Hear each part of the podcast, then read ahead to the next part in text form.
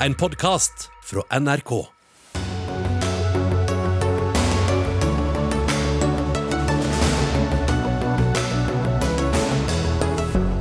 Norge må være forberedt på å støtte Ukraina i lang tid, varsler regjeringen. Og vi må gjøre det av moralske grunner og av egeninteresse.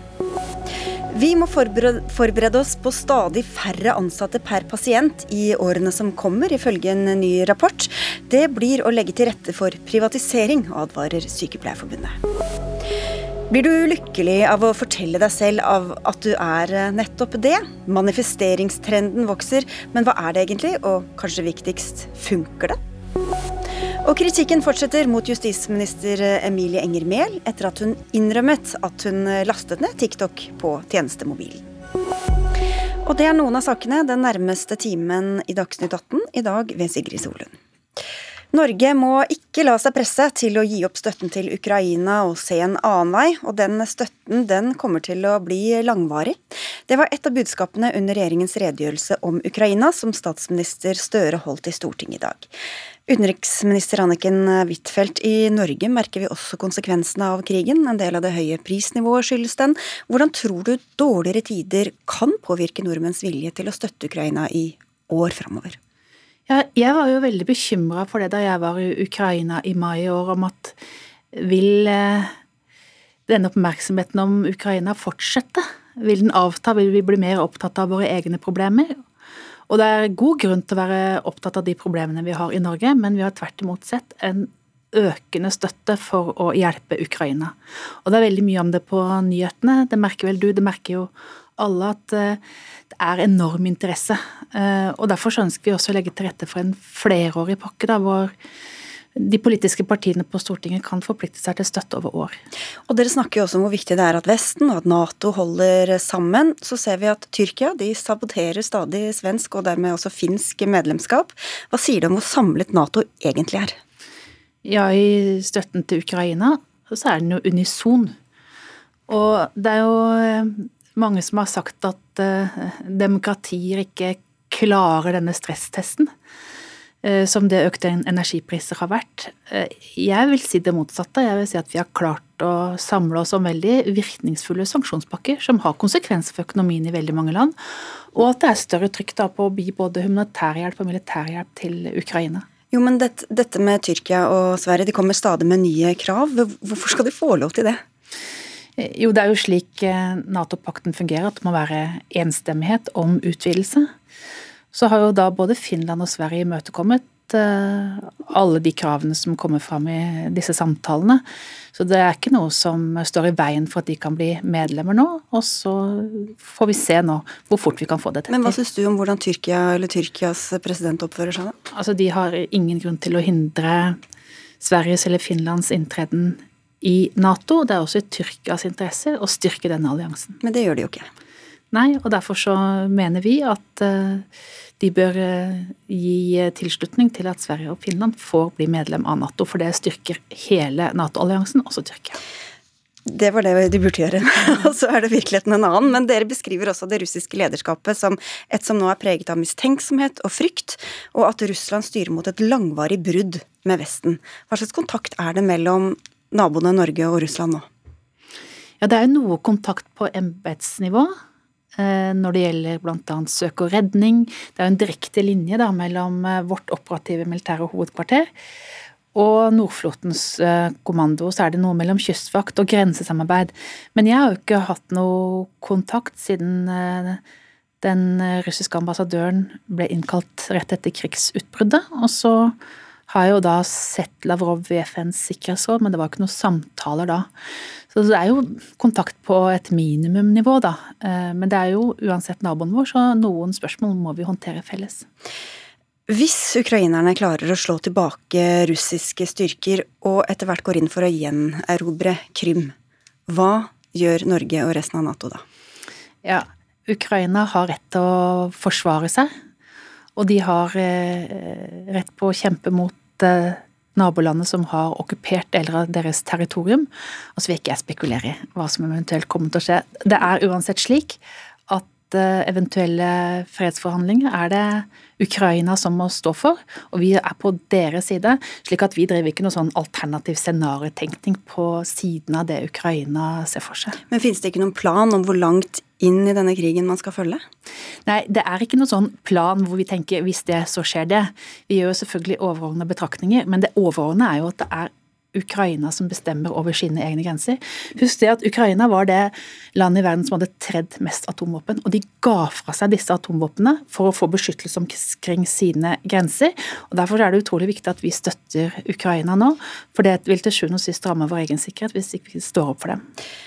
Vi og andre vestlige land har donert tyngre og tyngre våpen. Vi sier at Ukraina kjemper for oss, da med våre våpen. Er dette blitt en krig mellom Vesten og Russland? Nei, det er det ikke. Det er Russland som har eh, eh, invadert sitt naboland. Det er klart at Ukraina de kjemper jo en kamp for våre verdier, om at det er demokrati. Det de frykter er jo ikke Vesten som sådan. Det de frykter er nok demokratiet, for de ser at når, hvis det eh, får slå til i Ukraina, ja da kan det russiske folk også kreve det. Så de kjemper jo vår eh, verdikamp, men det er ikke noe krig mellom Nato og Russland. Hvordan stiller Norge seg til at andre Nato-land, for det er jo ikke aktuelt for oss, skal sende jagerfly til Ukraina? Ja, Det er jo slik vi tar stilling til fra sak til sak. Vi støtter jo ulike våpendonasjoner, og så gjør vi og andre land sine egne vurderinger av det. Takk skal du ha, Anniken Huitfeldt. Vi skal eh, snakke litt mer om disse jagerflyene. Per Erik Solli, du er forsvarsanalytiker ved NUPI. Ukraina ønsker seg altså vestlige jagerfly, og på dette området skjer det veldig mye veldig fort, sier du. Hva er det som skjer? Nei, altså Fra å være et uh, tema som oppsto helt i begynnelsen av krigen, altså i fjor uh, vinter, når de ønsket seg uh, russiskbygde MiG-29 fra østeuropeiske Nato-land, hvor man da fikk et avslag, så var det stille lenge rundt dette temaet. Men så har det vært en rekke diskusjoner i korridorene rundt dette, og nå plutselig har diskusjonen dukket opp både i USA og i Europa i de seneste ukene.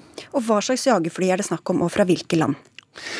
Altså, Ukraina har eh, bedt om to skvadroner F-16 kampfly da, fra eh, USA. Eh, I tillegg så har eh, både Polen, eh, Frankrike og Nederland sagt at eh, hvis de får en forespørsel fra Ukraina, de har ikke fått det ennå, men hvis det skjer, så vil de definitivt behandle det med et åpent sinn og, og vurdere det seriøst. Hvorfor er Nederland så aktive her? Jeg tror faktisk vi må tilbake til 2014 for å finne forklaringer på det. For da ble et malaysisk eh, passasjerfly på vei fra Amsterdam da, eh, og til Asia eh, skutt ned av, over eh, Ukraina. 300 eh, døde, hvorav 200 nederlendere. Eh, Russland har eh, i etterforskningen senere nektet for at det er de som står bak, men Nederland har ganske håndfaste bevis for at det var en russisk eh, missil fra en russisk luftvernbataljon som skjøt ned passasjerflyet. Men Russland har sabotert den prosessen og blånekter uansett hvor sterke bevis de har mot seg. Og det har nok skapt betydelig politisk irritasjon i Nederland. Og For Nederland og for Polens del så er det snakk om å sende amerikanske jagerfly som skal bli bytta ut. Da må USA gi tommel opp. Hva slags signaler er det kommet fra amerikansk hold om det? Litt tvetydige signaler. På mandag så sa eh, president Biden flatt nei til eh, forespørselen om F-16. Eh, på tirsdagen så åpnet han for å diskutere med den ukrainske presidenten. Jeg, jeg personlig tror jeg det er mer sannsynlig at amerikanerne eventuelt gikk grønt lys da, til Nederland eller Polen eller andre altså brukere av amerikanske kampfly og gir tillatelse til eksport, enn at de eksporterer direkte fra USA til Ukraina. Hvor lett er det for ukrainerne å læres opp til å bruke disse flyene? da? Det er kanskje vanskeligere enn de selv tror. Jeg har sett noen av de eh, tidslinjene som Ukraina selv mener de kan legge til grunn for å innføre nye vestlige kampfly. De må nok gange det med to eller tre. Eh, jeg tror at avhengig av om de skal bruke flyet kun til luftforsvar, og eventuelt i en dobbeltrolle også for å angripe mål på bakken, så må man nok regne med at det tar minst et år. Det er ikke bare flyene og flyene handler om, det er også egentlig bakkeapparatet, støtteapparatet, som også må tilpasses, og infrastrukturen på flyplassene.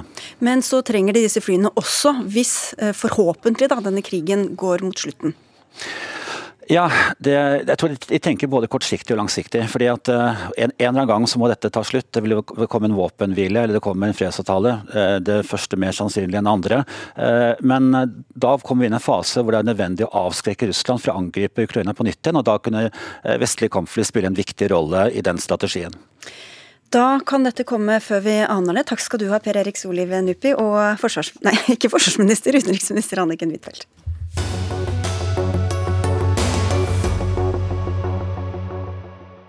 Færre sykehus, styrking av sykehjem, mer bruk av helsefagarbeidere, flere heltidsstillinger og færre ansatte per pasient.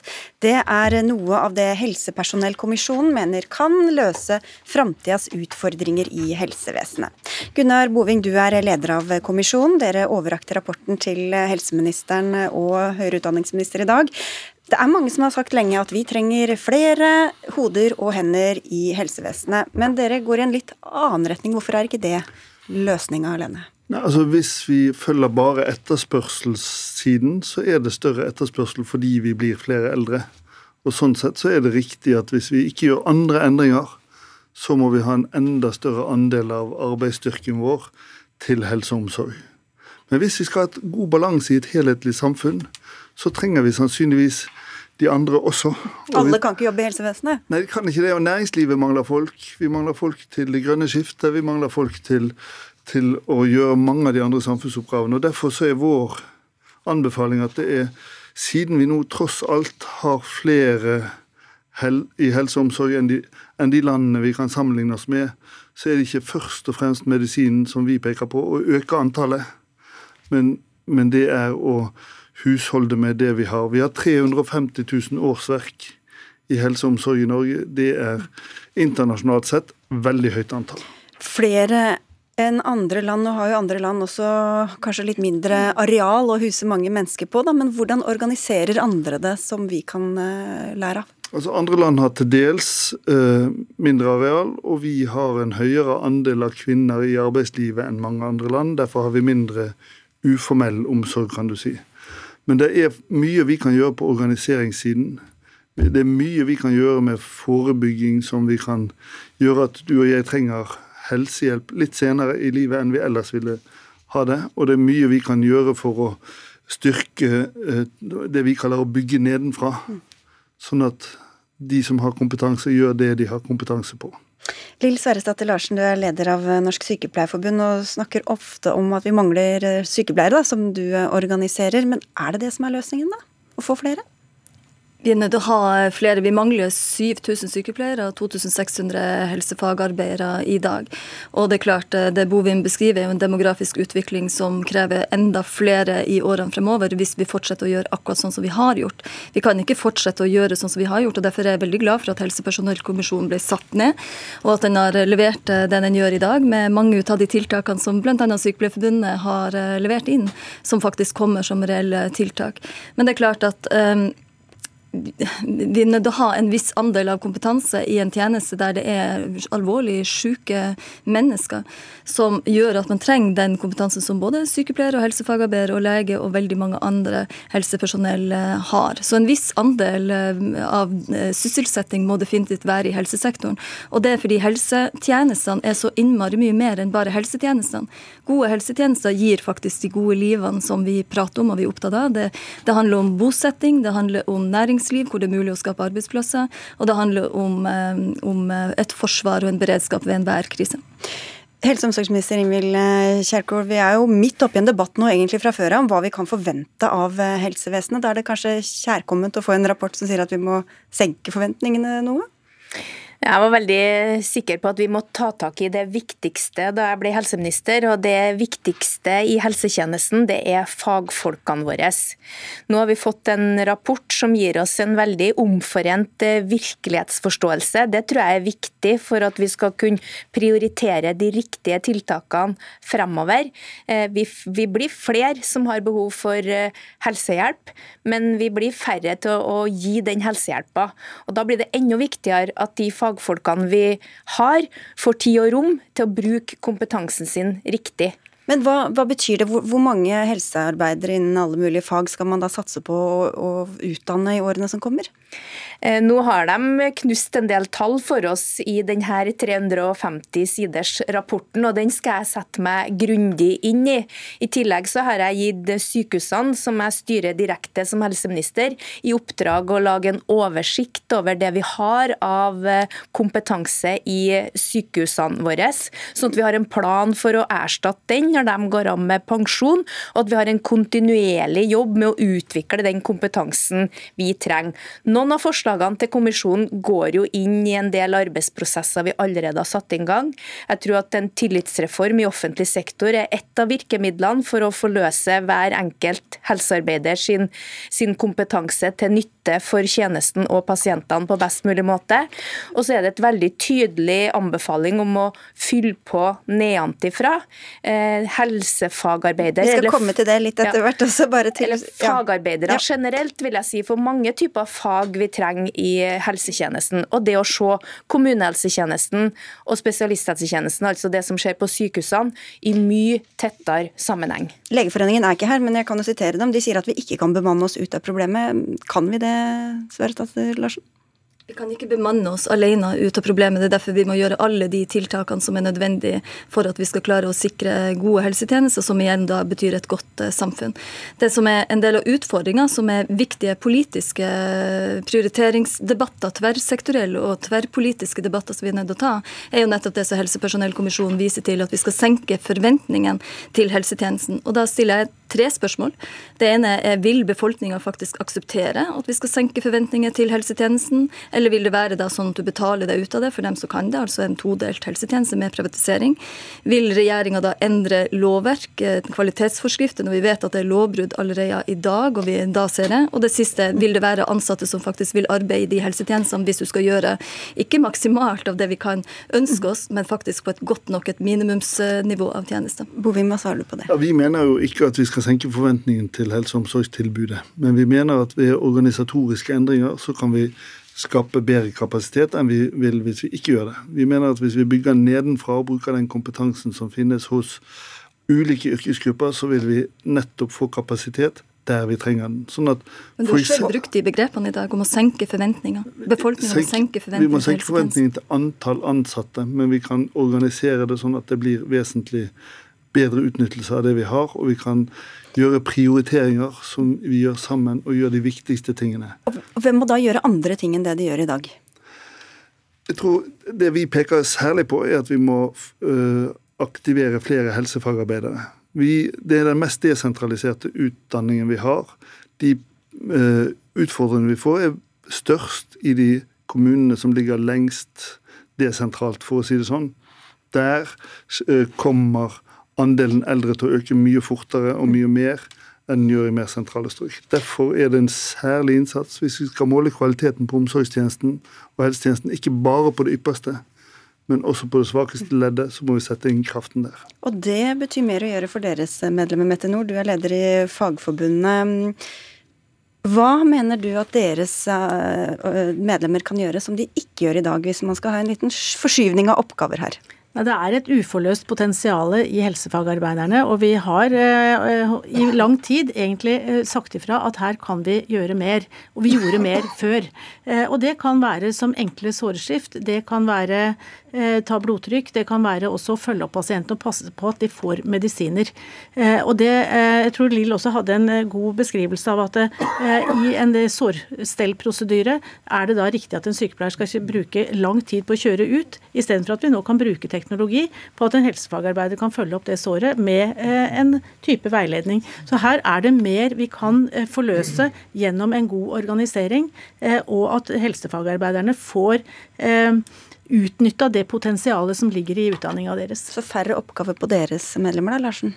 Jeg tenker at det blir det det arbeidet nok til alle. Jeg tror ikke det blir så mange færre oppgaver. til... Færre, men noen, noen, spesifikke oppgaver som dere ikke skal gjøre. Hvordan ser du på det? Mm. Det setter vi veldig stor pris på. Det har vi jobba tett i lag med regjering, i lag med arbeidsgiver og også i lag med Fagforbundet og andre fagforeninger gjennom flere år for å få til, bl.a. Tørn som et uh, viktig prosjekt.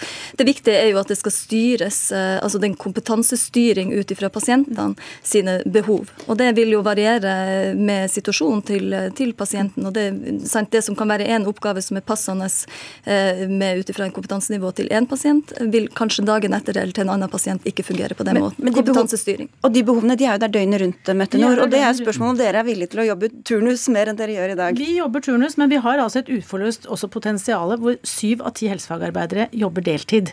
De tar ekstravakter, men er aldri en del av den planlagte arbeidstiden. Så det er ringevakter fra dag til dag. Og dermed så blir du ikke tatt med i planleggingen. Ikke, eh, vet ikke om du skal følge opp pasientene dagen etterpå, eller om du blir sendt et annet sted. Så her, eh, Det å få organisert dette sånn at man kan følge opp og følge utviklingen til pasientene, sikre at de har en god og forsvarlig helsehjelp, og at man har, kan observere når det er behov for å hente f.eks. Eh, mer kompetanse, en sykepleier eller det skal en lege inn. Da får vi til gode tjenester med egentlig de ressursene vi har, men vi gjør, bruker de på en bedre måte enn det men vi har gjort i dag. Dette vet jeg ikke, men Kjerkol, Noe av problemet kan vel også være at det er mange støttefunksjoner som har forsvunnet. At både leger og sykepleiere og andre må sitte og gjøre arbeid som man ikke trenger sju års utdanning for å holde på med. Og det er jo også en politisk villet utvikling, egentlig. Ja, Det er viktig for meg å se fremover. Og det er mange oppgaver å løse i helsetjenesten som eh, kan løses av uh, ulik kompetanse. Det å finne de gode teamene på den enkelte, et enkelte tjenestested som er nøkkelen til å hente ut ressursene på en bedre måte. Renholdere, og portører kan begynne å ramse opp, men da kommer jeg ikke i mål. Det er mange ulike fag som trengs i helsetjenesten. Uh, vi trenger at Eh, den mest begrensa ressursen, de som har tatt en helsefagutdanning på ulikt nivå, at de får brukt ressursen sin riktig. Det er veldig viktig i framtida, og mange okay. gode forslag her. vi, vi kaller det bygge nedenfra. Det betyr at all politikk er helsepolitikk. Hvis vi har en bedre boligpolitikk som gjør at du og jeg kan bo uten hjemmesykepleie ett år lenger, så gjør vi en stor innsats for å spare helsepersonell til det vi trenger helsepersonell til. Og det å bygge nedenfra går både på, også på, på, det du kan kalle støttepersonell, sånn at de som har den høyeste, mest spesialiserte utdanningen, bruker kapasiteten til, sin til det. Det er, jo, det er ikke å skru ned forventningene, men det er å passe på at vi husholder med ressursene på en mer effektiv måte enn i dag. Ja, jeg tenker jo at helsesekretærer bør eh, gjøre mer av det legene i dag gjør av kontorfaglige oppgaver. Og så er det én yrkesgruppe som vi sjelden snakker om, men som betyr mye for at vi har innhold i livene til de som også trenger hjelp, og det er aktivitører. Sånn at vi også følger på med en god omsorg, ikke bare den helserelaterte delen, men eh, omsorgen i tillegg. Og da er det et uttrykk som jeg vet at du misliker veldig sterkt, nemlig profesjonskamp, Lill Svartes Larsen. Er det et element her, eller? Jeg opplever ikke det er en profesjonskamp. Det som jeg sier, Vi har et godt samarbeid på både det sentrale nivået her inn mot eh, regjering, men også på lokalt nivå, der vi løser de oppgavene som er nødvendige for pasienten. For det er jo alltid pasienten sin behov som må være i fokus. Pasienten sine behov for kompetanse. Og Dermed så, eh, så, så må vi alle sammen ha den samlinga rundt det og gjøre alle de tiltakene som er nødvendige. Det som uroer meg her nå, er at eh, det er en del av det som, som jeg har klart å lese meg til, som Helsepersonellkommisjonen beskriver, som ikke nødvendigvis gir en bedring her og nå.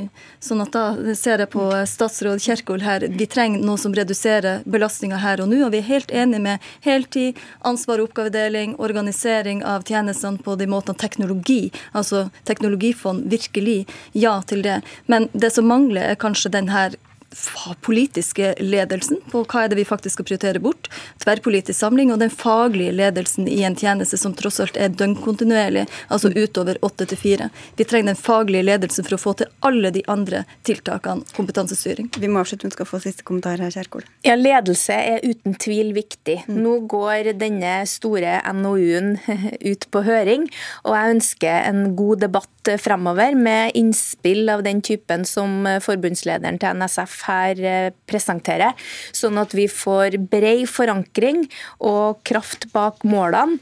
Eh, for dette skal vi klare, men vi er nødt til å gjøre ting annerledes enn hva vi har gjort hittil, for å sikre at både den generasjonen som har bygd landet, og den som skal bygge landet, får gode helsetjenester. Det er som du sier en stor og sammensatt eh, utredning og et stort og sammensatt felt. Noe av dere også er innom er jo sentralisering av sykehus. Det er det kanskje mer politisk eh, betent. Det kan vi komme tilbake til en helt ny debatt. Takk skal dere ha alle fire. Utvalgsleder Gunnar Bovim, Ingvild Kjerkol, helse- og omsorgsminister Lill Sverresdatter Larsen fra Norsk Sykepleierforbund og Mette Nord fra Fagforbundet. Og inn kommer du, Tone Sofie Aglen, politisk kommentator.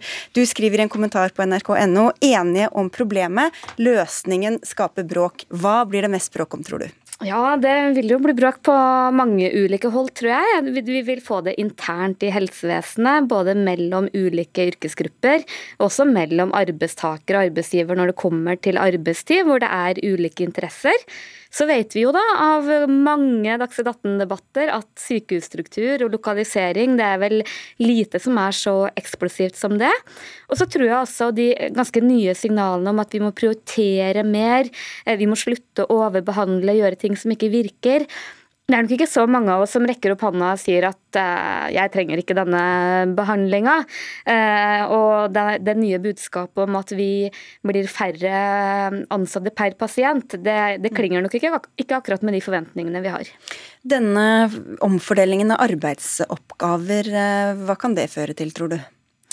Nei, vi hørte jo at uh, Sykepleierforbundet sier at de liker ikke ordet profesjonskamp. Og jeg tror nok at det er litt sånn skinnenighet ute og går når uh, man snakker om at de jobber godt sammen. For all erfaring uh, har jo vist at at, det er krevende å flytte oppgaver eh, nedover. Det er ikke sånn at legene har applaudert at sykepleierne har fått mange av deres oppgaver. og Det vil nok også bli gnisninger når helsefagarbeiderne skal eh, løftes opp. Det handler selvfølgelig om ansvar, det handler om yrkesstolthet, det handler om lønn. Og så er jo det helt åpenbart også en eh, yrkesgruppe som trenger både mer kompetanse, mer status og, og bli mer attraktivt for at det faktisk skal fungere og ha god nok kvalitet.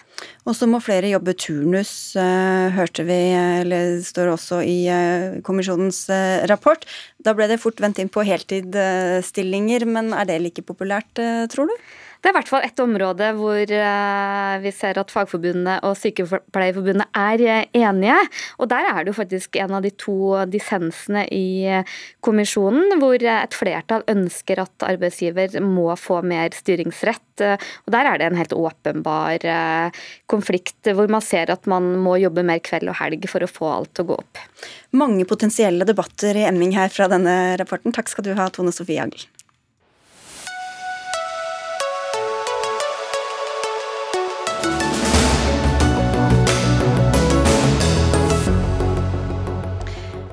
Hva kan være konsekvensen av justisministerens TikTok-bruk på statsrådsmobilen? Snart får vi både Fremskrittspartiet og Høyre i studio for å høre hvordan de vil forfølge denne saken.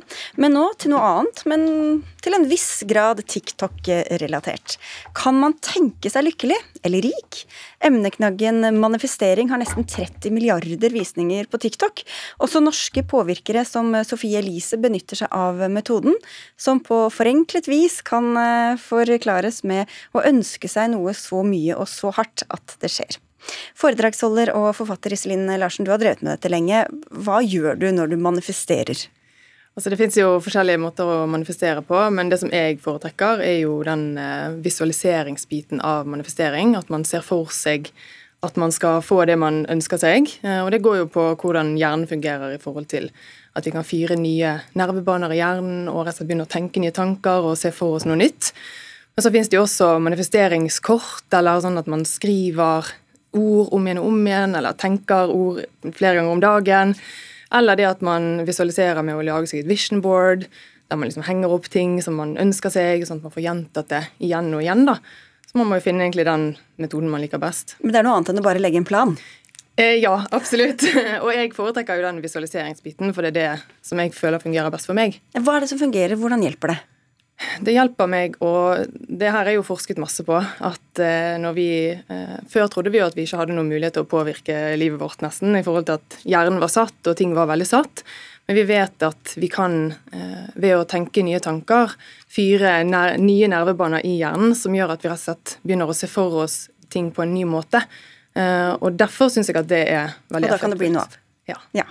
Kristian Bjørkdal, du er førsteamanuensis i retorikk ved Universitetet i Oslo, og har lest veldig veldig mange selvhjelpsbøker i den forbindelse. Hvor kommer denne tanken fra? Den kommer, altså den er antagelig veldig gammel, og, og, i nyere tid så kommer den fra en bok som heter The Secret av Ronda Byrne. Eh, men der passer jo Byrne på å si at dette er eldgammel visdom, som jeg nå har funnet en ny form på. Det var veldig veldig stor hype på et tidspunkt. Veldig stor hype rundt 2006-2007, eh, og hun sier at dette er visdom som, som, veldig mange har, ikke veldig mange, men i hvert fall noen har visst om eh, i, i lang tid, altså flere tusen år tilbake i historien. Og hun nevner da også folk som Platon, Jesus Kristus, Einstein altså en sånn uh, highlights av, av, av, genier og andre storhet gjennom historien som da har, har skjønt det, ikke sant, som har skjønt hemmeligheten, så å si. da.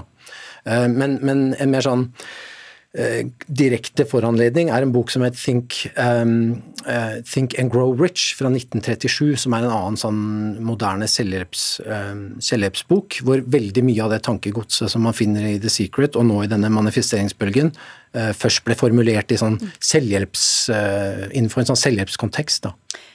Anders Graver Rimenes, du er psykolog. Kan man bli glad hvis man bare forteller seg selv at man er glad? Nok uh, ganger? Uh, ja, jeg prøver jo å fortelle meg det selv hele tiden. Um, funker av og til. Ser glad ut nå, i hvert fall. Ja, jeg er jo i studio sammen med flotte, flotte folk. veldig spennende debatt. Takk for at jeg ble invitert. selvhjelp har jo blitt en, en stor trend. Eh, på TikTok, ikke minst. Eh, Andrew Tate er jo kanskje han som er mest kjent om dagen. Eh, gått på en smell, sitter i fengsel, så nå er det rom for andre til å ta over. Og det har jeg skjønt at du holder kurs om, om hvordan på en måte få det beste ut, ut av seg selv. Og det, det er forlokkende. ikke sant? Vi vil jo gjerne ha det beste ut av oss selv. Jeg, jeg prøver på det, sikkert, sikkert du også. Og um, mange av disse bøkene, f.eks. Jordan Peterson, som som har lest en 12 eh, Rules, det er sikkert mange av dere som, som hører på eh, eh, har jo mye, um, mye sånn generell livsvisdom. Uh, at, at, det at vi eh, setter oss tydelige mål, fokuserer på målet, ikke lar oss distrahere, at vi greier å holde tankene våre i, sjakk og, og rettet og sånn, er jo sånn, helt fra buddhismens begynnelse. Eh, så selvfølgelig er det, er det, mulig, men eh, det jeg som psykolog er litt skeptisk til, er hvor sterke er disse effektene? Og det har vært mye eh, Dette var jo en trend i sosialpsykologien på 2000-tallet. F.eks. power posing, som dere alle kanskje har hørt om og, og prøvd. Hvor man skal stå med hendene i været og, og juble um, før man skal liksom gjøre noe viktig. Da, at dette gir deg en, en følelse av å vinne og frigjøre kortisol osv. Og så når man bruker, ser på veldig mye flere deltakere og, og prøver ut disse ulike teknikkene, så forsvinner effektene. Det er, så det er ikke så virkningsfullt? Ja, jeg sier ikke Det er jo umulig å si at det okay. ikke virker, ja. men virkningen er i hvert fall veldig forskjellig fra person til person. Og hvor mislykka føler man seg ikke når det ikke virker, Larsen? Jeg tror jo at eh, mange kan bli veldig skuffet hvis de tenker at eh, hvis jeg bare tenker dette nok ganger, så får jeg det jeg ønsker meg.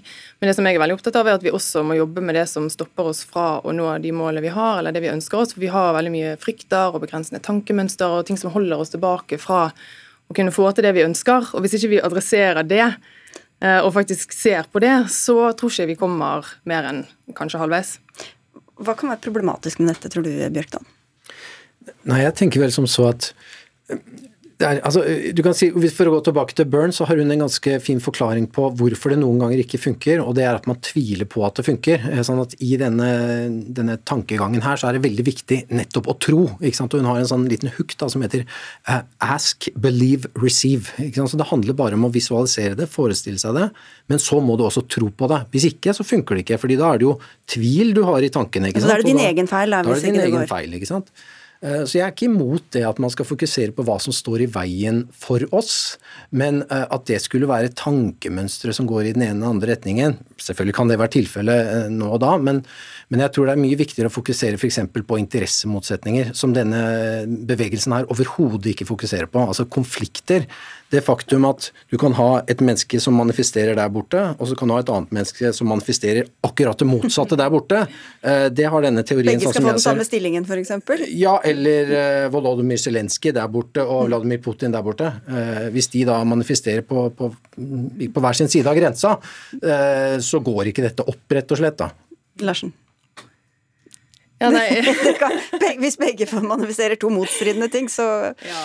Det må ja. man manifestere veldig godt for at det skal gå. Ja, absolutt. Men, eh, men jeg tenker jo at uh, en ting er jo liksom de store tingene, og, men det å kunne jobbe med seg sjøl i forhold til liksom, hva er det jeg ønsker å, å være, uh, det er jo det, mye det jeg jobber med. Jeg tenker ikke liksom hvordan får jeg den bilen jeg vil ha, eller den stillingen, men også sånn hvordan ønsker jeg å ha det i livet? Hva, hvilke egenskaper ønsker jeg meg? Hvordan ønsker jeg ikke å være? Å bruke manifestering i forhold til det, da, syns jeg òg er veldig spennende. Det kan sikkert være spennende, men jeg har en annen grunn til å være litt skeptisk til dette. og det er at Når du da skal forklare verdien av det, så er det hele tiden meg og meg selv og mitt liv og sånn. Eh, og det er nettopp det som gjennomsyrer hele den, denne bevegelsen her, er at man retter oppmerksomheten mot seg selv nesten utelukkende. Og hvordan eh, jeg og mitt selv og mitt liv skal bli bedre.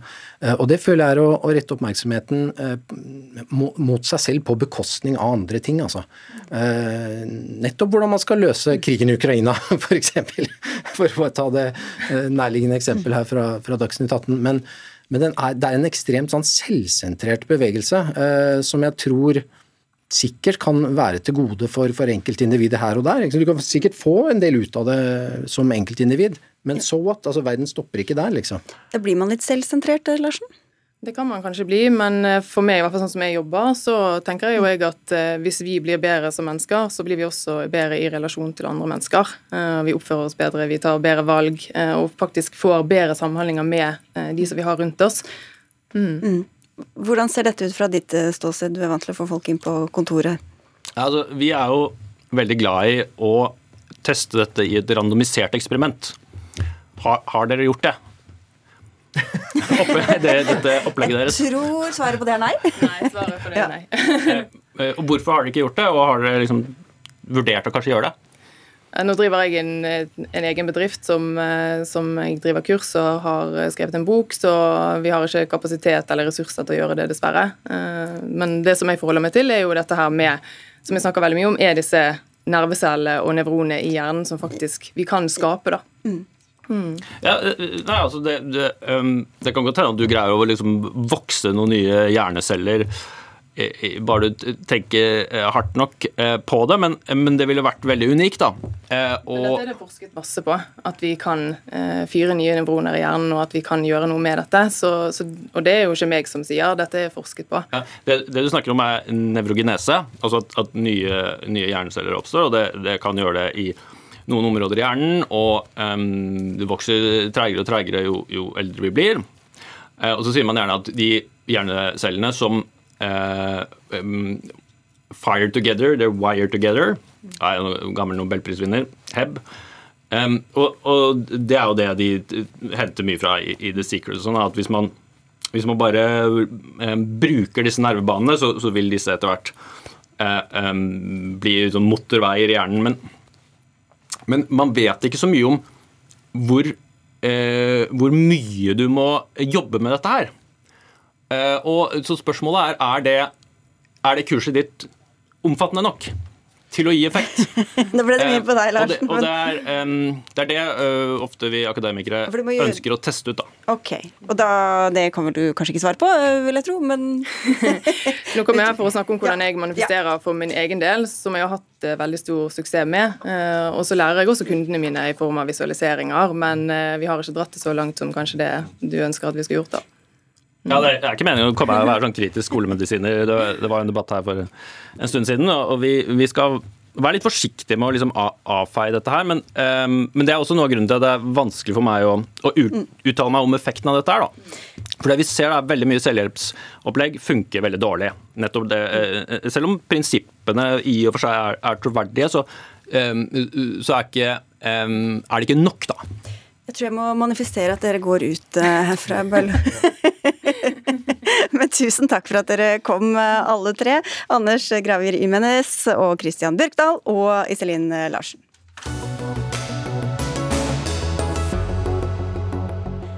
Høyres forslag til ungdomsskolereform fortsetter å skape debatt. Partiet la fram 80 tiltak for litt siden. Ett av dem handler om å teste ut og flytte sjuendeklassingene over til ungdomsskolen. Lise Selnes, du sitter på Stortinget i utdannings- og forskningskomiteen for Arbeiderpartiet, og likte ikke så godt dette forslaget. Hvorfor ikke? Nei, for det første så er det å utvide ungdomsskolen ikke nødvendigvis det som løser utfordringene mange barn og unge står i. Eh, mange kjeder seg, mange sliter med psykiske problemer og andre ting. Og det å skyve, eller utvide ungdomstida og minske på åra på ungdomsskolen, det tror ikke vi er det riktige svaret. Her må vi jobbe med overgangene og hvordan innholdet i overgangene er. Du vil sikkert si Margaret Hager fra Høyre at dette ikke er ment å lese, løse alle problemer, men eh, hva skal det løse? Nei, altså Høyre har jo sagt at vi vil ha en skole med økt mestring og læringsglede.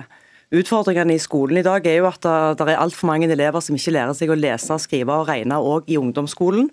Noe som har en sammenheng med motivasjon og mestring senere.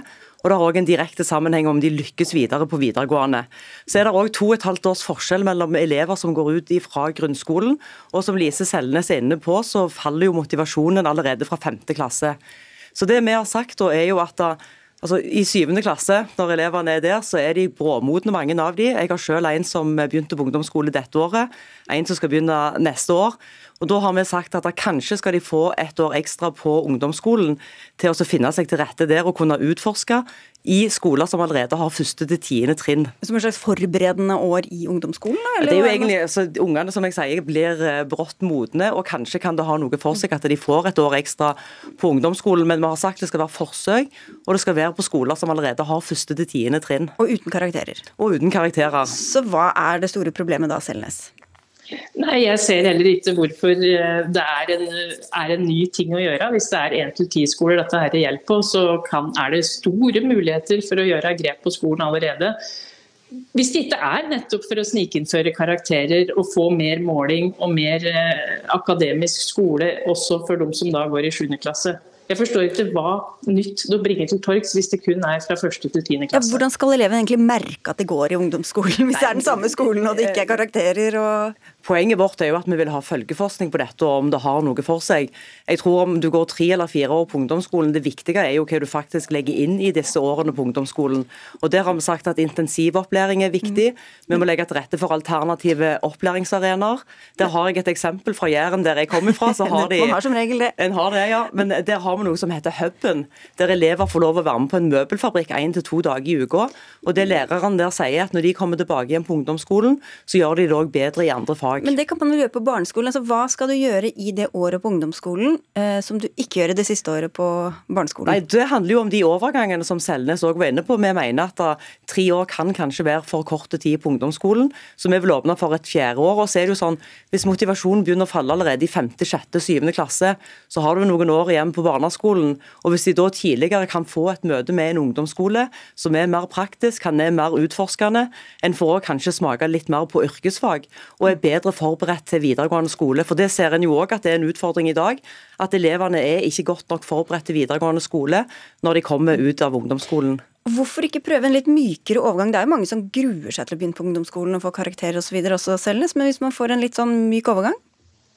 Ja, jeg tror veldig mange ungdomsskoler i dag også har mjuke overganger. Eh, jeg tror det er mange som venter med å starte med karakterer første halvåret på, på ungdomsskolen, og du jobber òg mye mer praktisk. Og Den nye læreplanen, som jo forrige regjering òg lanserte, der ligger det òg mye praktisk læring inne som er viktig å bruke når du kommer til ungdomsskolen.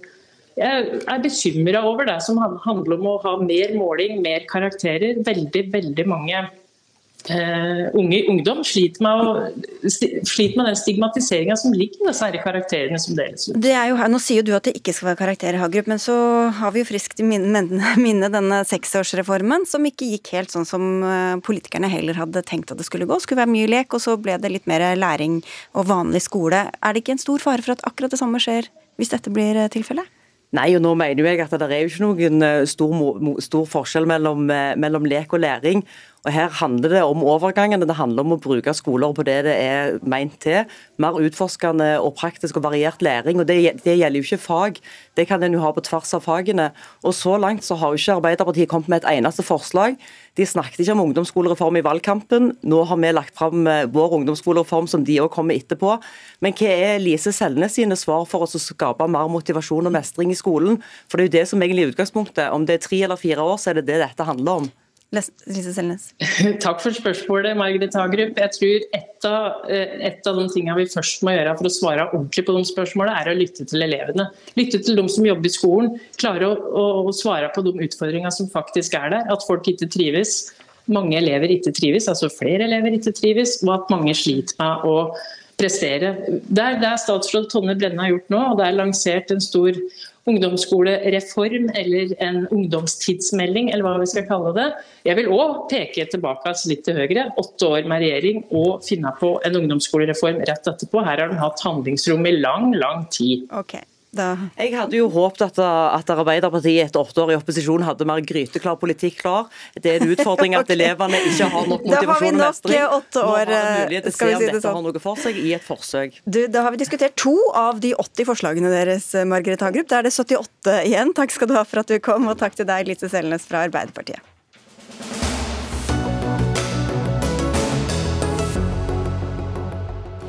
I flere måneder har opposisjonen på Stortinget bedt justis- og beredskapsminister Emilie Enger Mehl redegjøre for hvordan hun har brukt det kinesiske sosiale mediet TikTok. I går bekreftet Mehl overfor TV 2 at hun har hatt TikTok lastet ned på tjenestemobilen sin. I dag har hun fått eh, skarp kritikk av både Fremskrittspartilederen og Høyre-lederen. Og vi skal høre fra begge partier først, men eh, snart. Men først, Nikolai Nordmann Andersen, du jobber i IT-bransjen og følger spørsmål om personvern og teknologi tett. Hvordan skiller kinesiske TikTok seg fra andre sosiale medier når det gjelder dette? Primært eh, overvåkningspotensialet. Det er en app som samler inn ekstremt mye mer eh, data enn typisk andre sosiale medier vi bruker i det daglige. Så hva slags personvernrisiko løper man da ved å ha dem på telefonen sin? Eh, vi er jo såpass heldige innenfor EØS at vi har en veldig streng personvernlovgivning. Eh, det har de da eh, ikke i Kina. Og ja, data fra denne appen går til Kina, og det er vanskelig for oss å, å vite hvordan det brukes der. Studier viser at den dataen går til mye flere tredjeparter, og vi har ja, ingen måte å og se hvordan den er regulert. Der. Men samler den inn mer enn eh, Facebook og Instagram f.eks., eller er det bare problemet hvilket land eh, det drives fra? Studier viser at de, de amerikanske sosiale mediene som, som YouTube og, og, Facebook og Instagram samler i større grad for sin egen bruk. Studier viser at TikTok i større grad deler med andre. Um, og vi har jo et uh, sikkerhetssamarbeid med uh, USA, som er en uh, som er en alliert av oss. Eh, og eh, ja, da sier det seg selv at det er mindre risiko der. Vi har gjentatte ganger forsøkt å få med justisministeren om dette i Dagsnytt 18. Hun har takket nei hver gang. Det samme gjorde hun i dag, og det samme gjorde statssekretæren hennes og Senterpartiets stortingsgruppe. Dere var ikke så vanskelig å be Frp-leder Sylvi Listhaug. Dere har vært kritiske til Mehls håndtering lenge. Vi skal snakke om håndteringen veldig snart. Men bare selve denne bruken, hvor alvorlig mener du den er? Altså du kan si det som er, eh, Jeg tror mange spør seg er dette her så alvorlig. Det er altså over én million nordmenn som bruker TikTok. Og det er for så vidt helt greit, og, og, ikke noe som vi legger oss opp i. Det som er saken her, er at det er landets justisminister som det nå viser seg har hatt denne appen, som da har et overvåkingspotensial fra kinesiske myndigheters side, eller som kan tilflytte dem, på sin tjenestetelefon. Og det er jo sånn at Landets justisminister sitter med veldig mye informasjon. Det er et av de departementene som håndterer saker som omhandler rikets sikkerhet. Derfor så er dette her en sak som det er grunn til å eh, være bekymra for. Og så kan du si at Hvis hun hadde svart Stortinget og fikk spørsmålet om at ja, jeg hadde denne appen på min tjenestetelefon, jeg gjorde en feil så hadde det for så vidt vært en feil som vi absolutt uh, kunne tilgi uten videre. Det lover jeg feil. Problemet er at hun nå i månedsvis har svart Stortinget, eller vil si unnlatt å svare Stortinget, når hun har fått spørsmål om hun har hatt denne appen på sin tjenestetelefon. Og Det er det som har gjort at denne saken her har vokst til å bli langt mer alvorlig, og som gjør at vi nå må gå gjennom alle sider av denne saken. For det er sånn at I henhold til Grunnloven paragraf 82 så har en statsråd en opplysningsplikt overfor Stortinget. I alle saker mm. så skal man ikke villede, men komme med korrekt informasjon. Og Dere har spurt veldig mange ganger, og dere har også vært interessert i svar. Eh, Mari Holm Lønseth, du sitter på Stortinget for Høyre. Mm. Hvor alvorlig ser dere på denne saken? Nei, Vi ser alvorlig på det også fordi det er en veldig spent og usikker eh, sikkerhetspolitisk situasjon. og Det er helt åpenbart at justisministeren, som har det ansvaret som også Listhaug er inne på, er et mål for å ha overvåkning og for å få kunnskap som vi ikke ønsker skal komme i hendene på fremmede makter. Og Det som også er bekymringsfullt, mener jeg, det at Mehl har Hun fikk et veldig enkelt spørsmål egentlig fra oss i starten av oktober, og det har du hatt TikTok på din tjenestetelefon eller ikke? Og når hun lar være å svare på det, så har hun bl.a. begrunna det med at det er sikkerhetshensyn som ligger til grunn. Men nå viser det seg jo at hun kan gjøre et stort intervju til TV 2 Eh, før hun svarer Stortinget. Eh, og Da kan det ikke være sånn lenger at det er sikkerhetshensyn. Det fremstår nesten mer som det er for bekvemmelighetshensyn.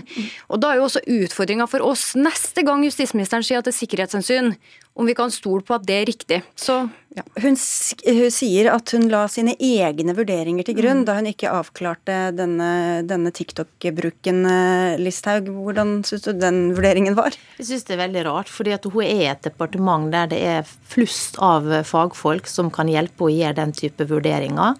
Og det er jo sånn at Hun har en underliggende etat, Nasjonal sikkerhetsmyndighet, som nettopp er kommet med retningslinjer som advarer mot den type applikasjoner på tjenestetelefon.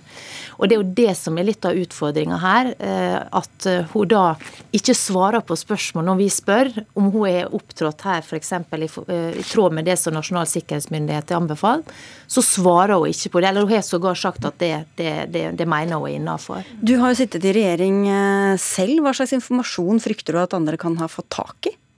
Altså det er klart at På tjenestetelefon så har du e-posten din.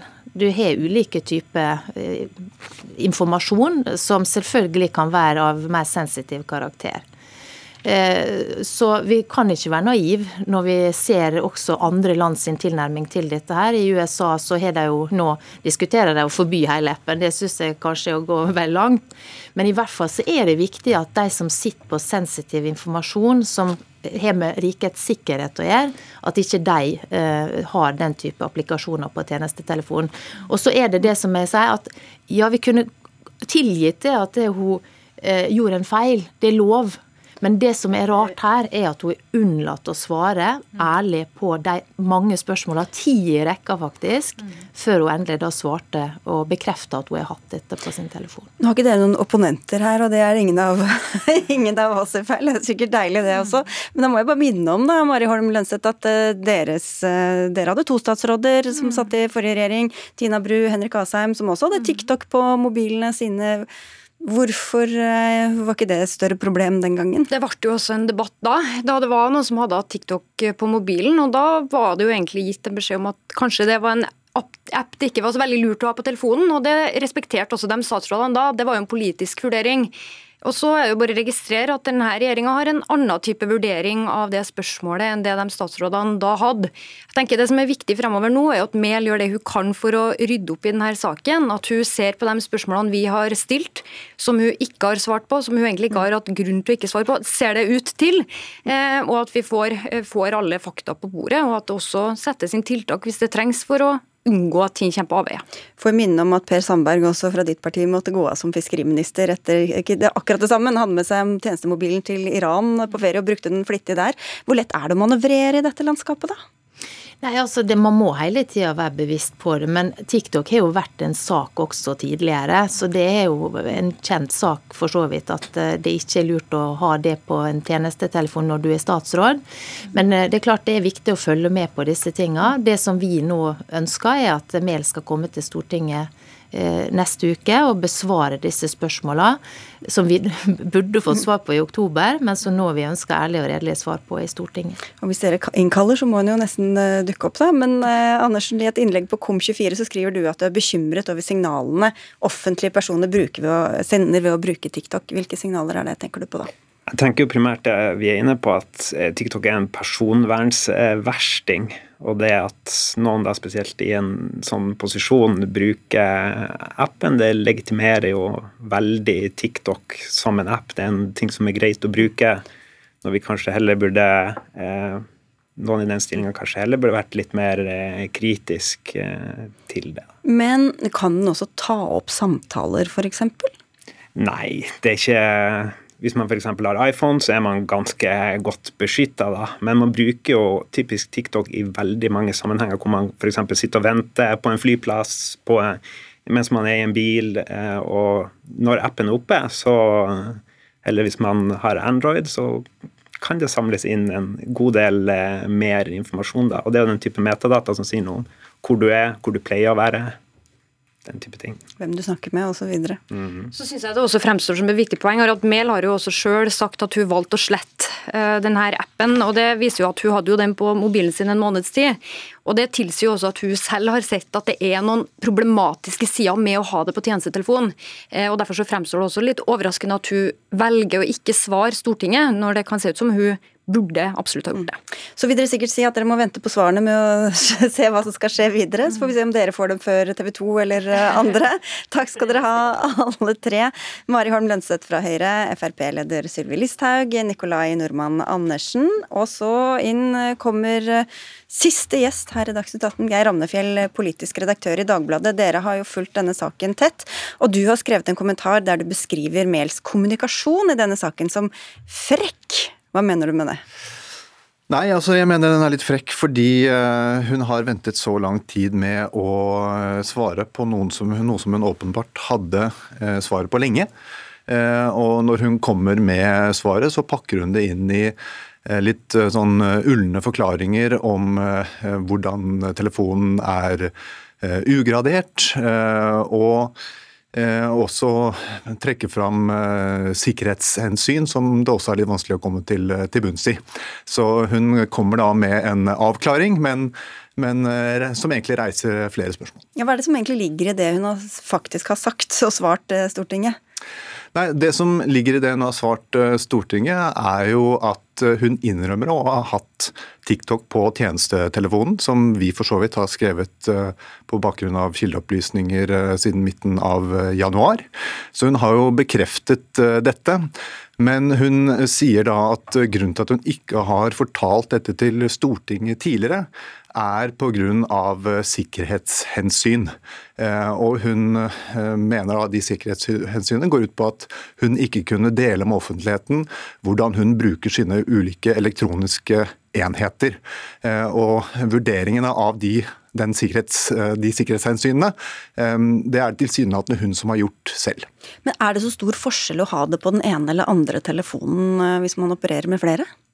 Ja, det er jo en vesentlig, vesentlig, forskjell. Hvis du har TikTok på en telefon som har opplysninger som kan være sensitive for regjeringens arbeid, hvis det er opplysninger som kan være personsensitive for deg selv, så risikerer man jo at at sensitive opplysninger som ikke skal komme på avveie, kommer i hendene på kinesiske myndigheter, som, som eksperten er tidligere, tidligere, forklarte. Og TikTok utmerker seg jo ved å være nettopp en sånn type app, hvor, hvor risikoen for det er ganske stor.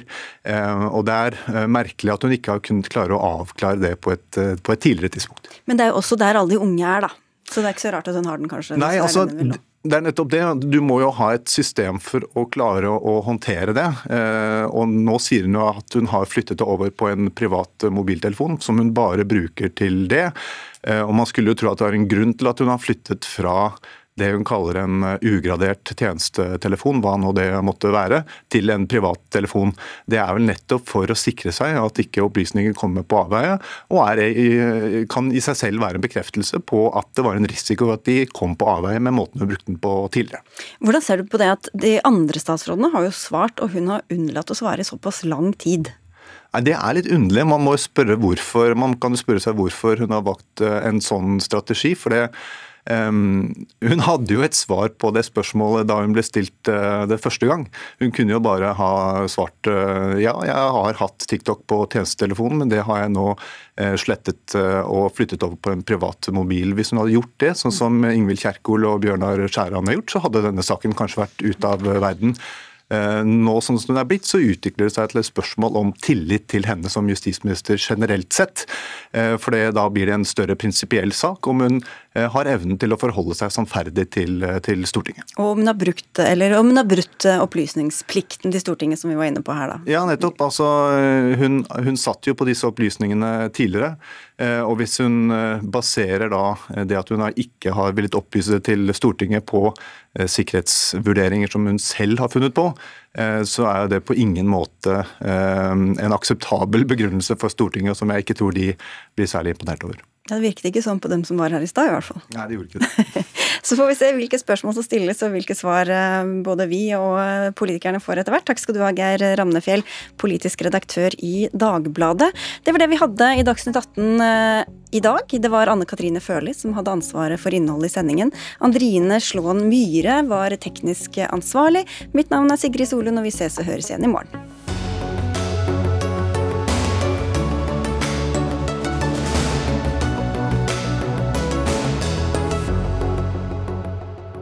Du har hørt en podkast fra NRK. Hør flere podkaster og din favorittkanal i appen NRK Radio.